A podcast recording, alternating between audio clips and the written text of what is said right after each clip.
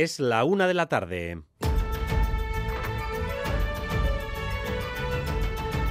Crónica de Euskadi con Dani Álvarez. A Rachaldeón, el Endacari abre un frente de reproche a los jueces vascos por las repetidas sentencias que limitan el uso y la priorización del euskera en los ámbitos municipal y laboral. La última sentencia ayer mismo. Vox y el Partido Popular, promotores de los recursos, porque creen que esas convocatorias y decretas y decretos dejan en inferioridad al castellano, se han felicitado por esas decisiones judiciales. Escuchen a Lendakari, a Carmelo Barrio y a Amaya Martínez de Vox. Hoy el castellano y el euskera no se encuentran en igualdad de condiciones y falta mucho por hacer para alcanzar esa igualdad. En el caso del ámbito judicial, además, falta también mucha sensibilidad. Pues lógicamente las leyes al final les ponen en su sitio, ¿no? El meter el acelerador y, con el riesgo de que el castellano pueda desaparecer de algunas de ellas, pues yo creo que era un desequilibrio que había que corregir. No es una sentencia en contra del euskera, lo es en defensa de la población castellano hablante y de ser en contra de algo es en contra de su política lingüística sustentada en la imposición del euskera. Urcullo acusando de insensibles a los jueces, Carmelo Barrio, Pepe y Amaya Martínez Vox sobre la imposición del euskera. Esto cuando atravesamos el primer temporal del otoño. Tenemos un día desapacible por la lluvia intermitente, el viento y el oleaje, con alertas hasta esta tarde cuando empezará a serenarse la meteorología. En la margen derecha, en Aiserrota, Natalia Serrano. ¿Qué ambiente hay, Natalia?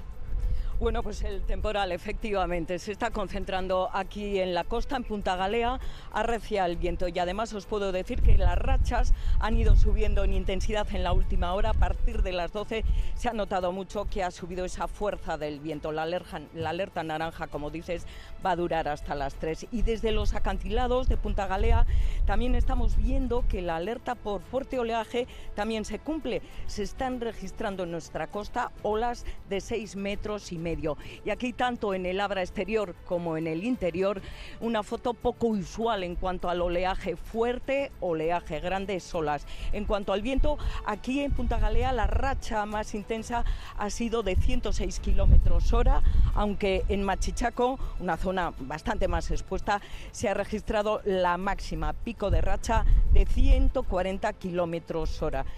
¿Y la temperatura? Bueno, pues 14 grados, nada que ver con los registrados el lunes o el martes pasado y además llueve, no con intensidad, pero llueve. Y en Guipúzcoa, en Donostia Fermín Alberdi, cierre de paseos junto al mar y paraguas que hay que llevar bien sujetos, ¿no?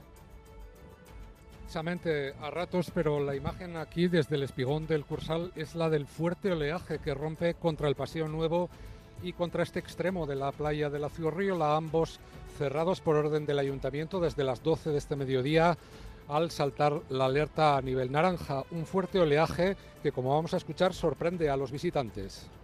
Eh, veníamos a una visita cultural el fin de semana, venimos desde Murcia y ha sido casualidad que hoy nos pillaba de paso esto y, nos ha cuadrado con el tiempo este. Esto no es el mar menor, ¿no? no se parece ni un poco. Tampoco van a poder acercarse al peine del viento que hoy hace honor al nombre de la icónica escultura de Chillida y que también se encuentra cerrado su acceso hasta que el ayuntamiento ordene levantar esta alerta.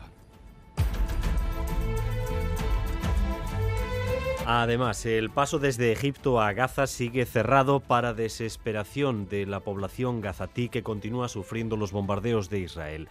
Tal es la situación ante el bloqueo de la ayuda humanitaria que se acaba de presentar allí el secretario general de la ONU, Óscar Pérez. Antonio Guterres está en el paso de Rafah en el lado egipcio, se ha desplazado allí para reclamar que lo reabran cuanto antes para que pasen los primeros 20 camiones prometidos. These trucks are not just trucks. They are a lifeline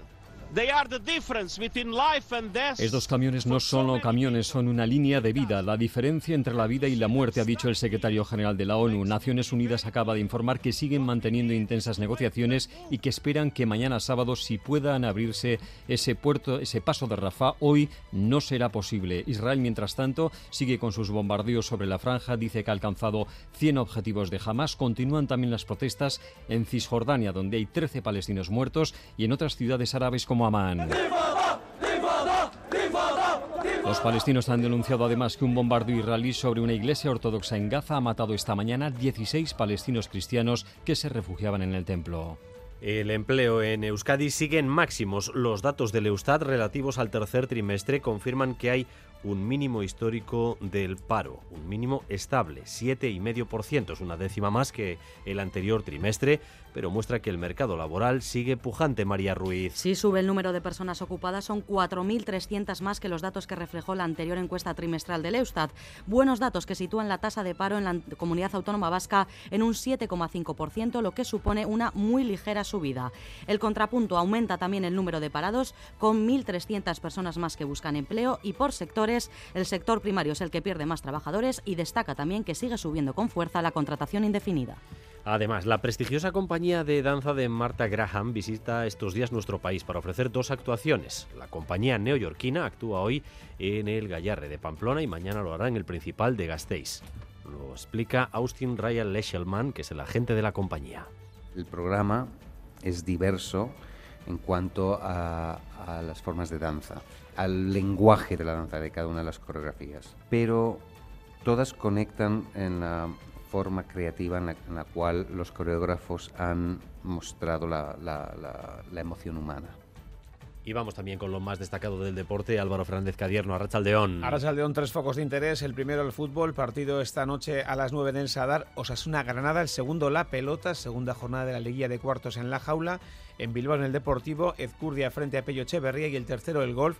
Segunda jornada del Andalucía Masters con Adriano Taegui entre los mejores. De anoche dos derrotas europeas en baloncesto.